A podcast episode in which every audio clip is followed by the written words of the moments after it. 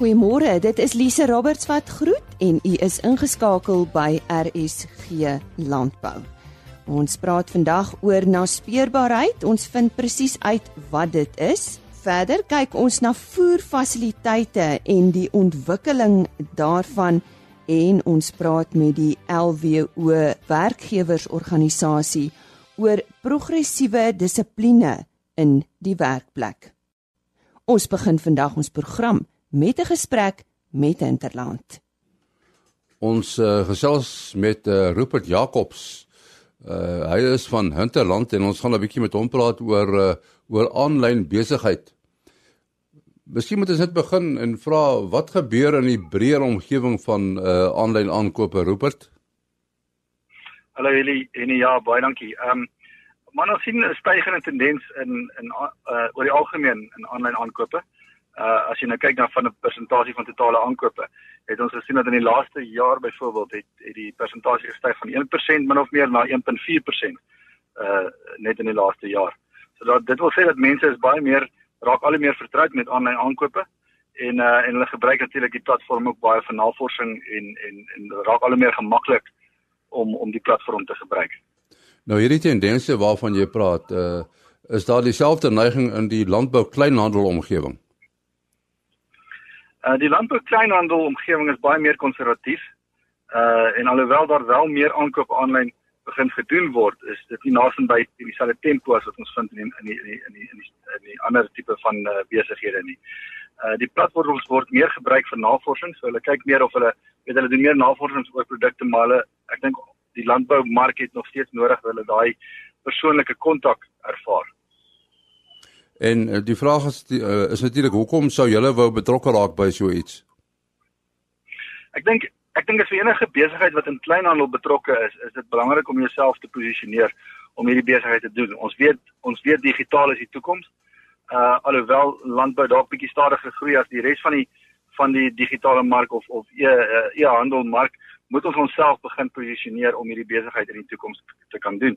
En uh, as jy in retail is wat handel uh, wat landbou insluit, landbou retail, dan moet ons onsself regmaak vir dit. En alhoewel aankope stadige groei in die landbouomgewing is daar steeds steeds 'n groei, so ons wil seker maak dat ons onsself regmaak wanneer daai ding ehm um, meer begin ontpop. So julle is betrokke op die oomblik by e-handel. Ons is, ons het ons eie e-handel platform waar klante 'n groot reeks van ons produkte kan kry. Uh, hy kan die klante kan daarop gaan koop op sy debiet of kredietkaart en ons lewer dit by 'n staatadres adres af.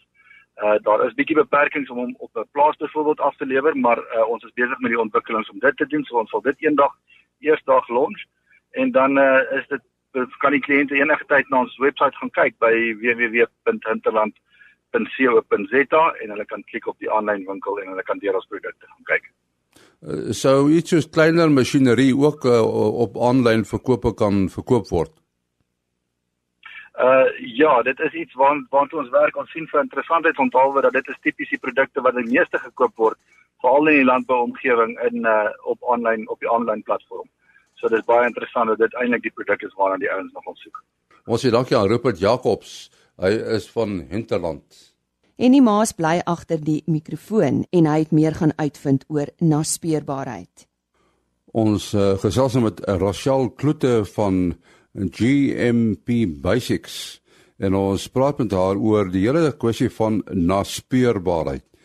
Miskien Rachel verduidelik eers vir ons wat is naspeurbaarheid presies? Uh môre hier in die luisteraars. Naspeurbaarheid is die vermoë om 'n artikel of 'n item te identifiseer en dan op 'n spesifieke tyd inligting aangaande daardie item te kan naspeur, optrek, naslaan op 'n spesifieke tyd. Het sy vandag se geskiedenis of inligting en terugwerking tot by oorsprong. Dit is die konsep van naspeurbaarheid. En hoekom is dit so belangrik?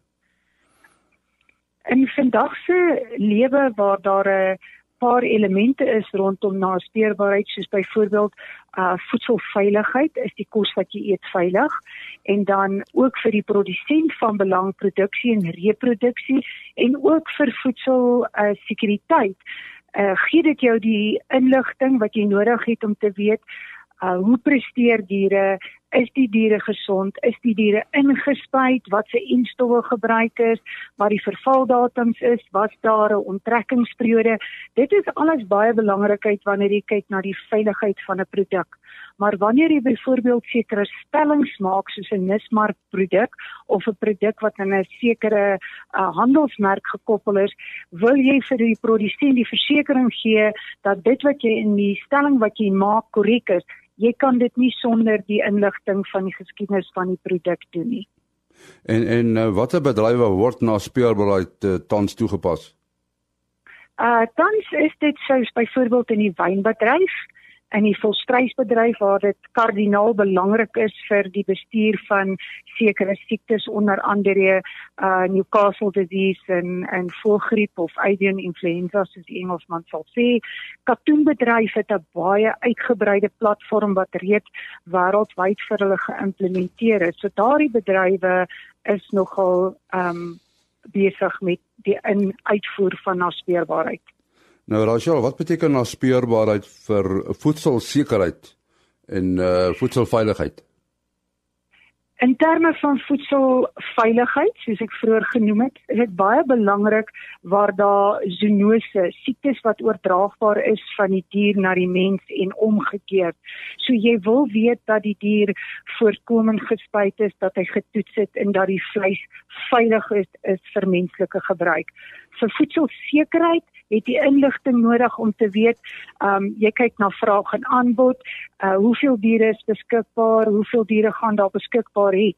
En as jy byvoorbeeld nou inligting het oor aanwas van diere, dan kan jy maklik dit meet en teelwaardes, daardie tipe van belangrike besigheidsinligting. As jy dit op hande het, kan jy ingeligte besigheidsbesluit maak oor toekomstige um, uh, aanbod van vleis. So so dit die hele kwessie van uh, naspeurbaarheid uh, is 'n positiewe invloed wat dit het op ekonomiese resultate, nê? Nee? Absoluut, want wat dit dit is niks anders as rekordhouding en aanteken en dan die beskikbaarheid van daardie inligting met die druk van 'n knoppie. Dit is dit is eintlik onmisbaar in die opsig. En uh, hoe kan 'n produsent uh, homself vrywillig en koste-effektief voorberei om uh, aan hierdie dinge te voldoen waaroor jy gepraat het? Baie belangrik dat dit begin op die plaas met 'n plaasbestuurstelsel, 'n stelsel wat ehm um, uh integriteit verseker, aanteken van wat doen jy op die plaas, uh wat wat is die behandeling wat die diere kry waar beweeg die diere deur die waardeketting aan weet jy dit verkoop en ook die sertifisering uh wat die produsent gee in terme van 'n verklaring uh veilig vir die gebruik uh vir menslike doeleindes. Maar dit gaan terug na die gebruik van 'n bestuurstelsel wat geloofwaardigheid het en wat vir die nodige inligting gee sou daar terugwerkend te navraag kom of vir jou vra om sekere eise te bewys. Die die hele kwessie van naspeurbaarheid word dit op skole vlak ook uh, eintlik uh, word die, uh, die skoolleerders bewus gemaak daarvan. Ja, dit is 'n baie belangrike ding wat 'n ou doen want as jy net so soos byvoorbeeld die plaas media se skole uh projek wat hulle doen waarin hulle vir landbou skole byvoorbeeld 10 diere gee, dan word die diere gemerk en op die GMP basic stelsel uh bestuurstelsel gesit. Die die die studente of toekomstige landbouer teken dan die inligting aan en uit die uh die die rapporte wat getrek kan word, maak jy die student bewus dat net soos in enige ander besigheid in die landbou en lewende hawe moet jy jou produk aanteken alles rondom die produk waarde wat jy toevoeg want aan die einde van die dag is dit 'n ekonomiese toevoeging tot die dier en dit gaan oor rand sent waarde wat jy lewer aan die einde van die dag. So daai projek is alreeds daar en ons probeer maar met al die landbou skole die bewusmaking doen sover 'n mens moontlik kan. So so rekenaar tegnologie is seker ook belangrik hier. Baie belangrik. Uh hoewel ons 'n redelike uitdaging het want meeste van die programme word deesdae gebaseer op internetkonnektiwiteit, maar jy sal self weet dat dit nie vir almal beskore is nie. So krities belangrik dat jy 'n stelsel moet in plek hê of aan 'n waardekettingstelsel deelneem wat jy op grondvlak toelaat om met die hand te skryf in te voer waar jy kan op 'n rekenaar. Nou onthou die stelsel is op 'n rekenaar en dan wanneer daar konnektiwiteit is, uh sekere inligting kan stuur. Byvoorbeeld calendar reminders aanteken wat moet gebeur, daar's 'n dragtigheidstoets of daar's 'n enting wat moet plaasvind, dan kan hy vir jou 'n e-pos stuur, maar dit is alles afhanklik dan ook van konnektiwiteit, maar die stelsel is slim. Jy stuur dit hier, jy werk sonder internetkonnektiwiteit en wanneer jy konnektiwiteit is, dan aktiveer hy dit. Daai inligting lê op die server en wanneer jou rekenaar anders al het jy nie konnektiwiteit op die punt nie, maar wanneer jy internetkonnektiwiteit het, stuur hy vir daai e-pos om jou te herinner. Tegnologie is kardinaal belang, maar baie beperk in die landbou omgewing. Baie dankie aan Rachel Kloete van GMP Basics. 'n Mens raak maklik geïrriteerd met reëls en dikwels voel dit of dit al is waaruit die lewe bestaan. Maar wat ons dikwels nie besef nie is dat hierdie reëls tot almal se voordeel is indien dit gerespekteer word. Christo Bester van die LWO werkgewersorganisasie gesels nou met ons oor progressiewe dissipline in die werksplek en hoekom dit nodig is. Nou Christo, uh, ja, lekker om weer in die nuwe jaar met jou te praat. Hoekom is duidelike reëls en riglyne in die werksplek so nodig? Dis ja, goeiemôre, baie dankie is dit die, die verhouding tussen 'n werkgewer en 'n werknemer is gebaseer natuurlik op wederwysige respek en vertroue, maar is ongelukkig nie genoeg om die werksverhouding in die werksplek te reguleer nie. Nou duidelike reëls en riglyne verseker natuurlik dat wrywing en misverstande in die werksplek beperk word. Dit bevorder nie net produktiwiteit nie, maar is ook verseker ook 'n positiewe werksomgewing. Maar ek dink die belangrikste van alles is dat die heel eerste vraag wat 'n KVBA kommissaris vra wanneer daar 'n konsiliasie of 'n arbitrasieverrigting is, is of daar duidelike reëls en riglyne in die werksplek was en of die werknemer daarvan bewus was. Nou dit word gedoen natuurlik om die prosedurele en die substantiële billikheid van 'n ontslag te meet. Die oorgrootste meerderheid van sake wat aan die kommissie vir versoening, bemiddeling en arbitrasie verwys word, gaan oor onbillike ontslag. Hoekom is dit so? Onbillike ontslag word gekoppel aan die werkgewer wat nie die korrekte prosedure gevolg het tydens die ontslagproses nie. Daar is 'n persepsie dat wanneer 'n werknemer 'n ernstige oortreding, byvoorbeeld soos diefstal gepleeg het, die werknemer se muur ontslaan kan word sonder dat 'n dissiplinêre verhoor hoef plaas te vind.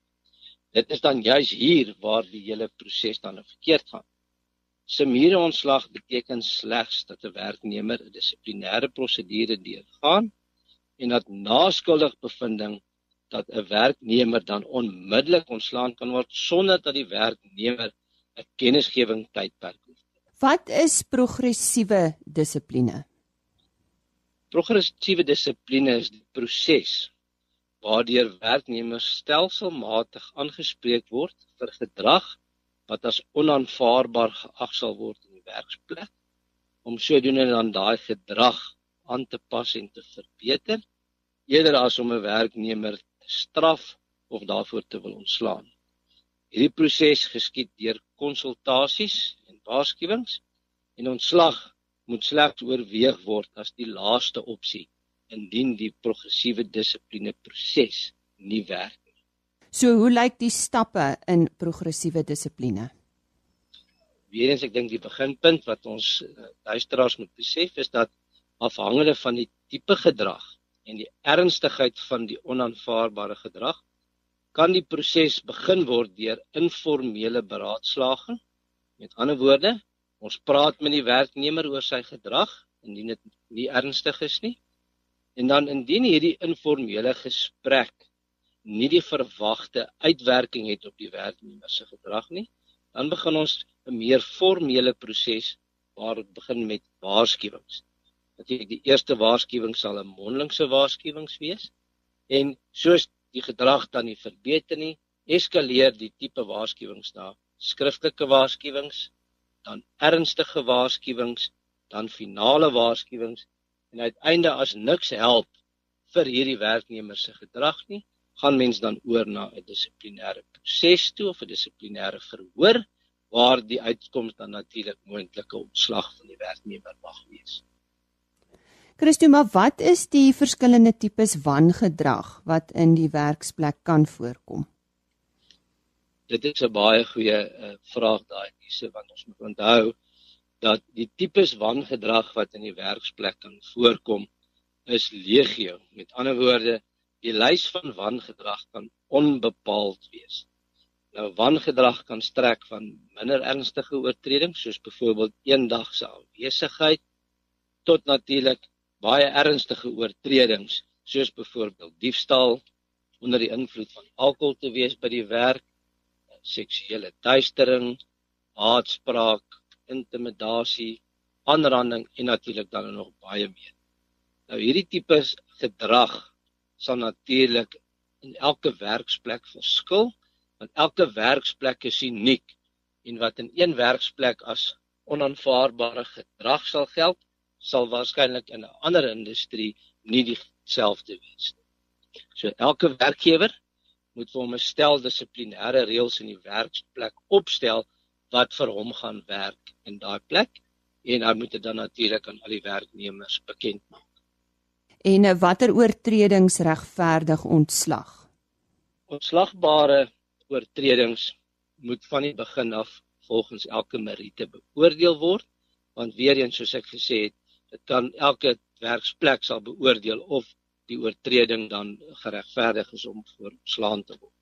Soos byvoorbeeld ehm um, diefstal sal natuurlik in enige werksplek eh, 'n uh, ontslagbare oortreding wees, dan ook ernstige aanranding, rasisme, haatspraak, seksuele teistering natuurlik die lys kan aangaan en aangaan. Maar ek dink die belangrikste is is dat die werkgewer voldoende bewyse tydens die dissiplinêre verhoor moet voorlê om die ontslag van 'n werknemer te kan regverdig. Ek Christo Bester van die LWO werkgewersorganisasie wat met ons gesels het oor progressiewe dissipline in die werksplek en hoekom dit so nodig is voerfasiliteite kom nou onder die soeklig. Ons uh, gesels nou met uh, Johan Mouton.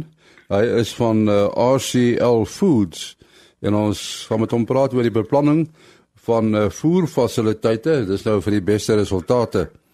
Voerfasiliteite uh, so deur die jare, ek dink as jy mens nou jare terugdink uh, Johan, dan dink 'n mens daaraan dat uh, hulle hulle vreet maar waar die kos is uh, en die plek waar die kos is die die die het so deur die jare verander nê nee, uh, die fasiliteite het ook verander nê nee. Verseker so en nee, ek dink veral as ons boerdery geïdentifiseer het en ons meer in die voerkraalbedryf in beweeg het het die navorsing vir ons gewys as ons diere se beweging beperk dan kan ons wesentlik beter diereprestasie kry en dis maar die agtergrond daarvan te wees. Wat moet mense gedagte hou as 'n mens uh, voerfasiliteite beplan? Ek dink om dit miskien uit 'n eenvoudige oogpunt te stel, sien jouself as 'n bees wat moet gaan vreet. Dit moet vir jou gerieflik wees daarso. Die krib moet gerieflik wees vir jou om by te staan. Daarna toe jy wil stap om te gaan water drink, moet daar skoon koel drinkwater gereeld vir jou beskikbaar wees. So as jy daai riglyne vir jou dalk neersit, maak dit so gerieflik moontlik vir die dier, maar beperk sy beweging en dan praat ons van omtrent so ronde syfers 15 vierkante meter per bees dan is ons min of meer op die merk waar ons wil wees.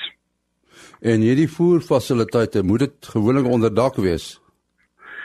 En nie die die die jury is nog uit wat presies hoeveel dak het ons regtig nodig. Dis nie essensieel om om skadeweë te voorsien nie alhoewel dit goed is. Daar's navorsingssyfers wat vir ons wys skadeweë voorsiening kan vir ons so 50 gram 'n dag ekstra op 'n bees gee en ander syfers wat wat minder uh, suksesvol was.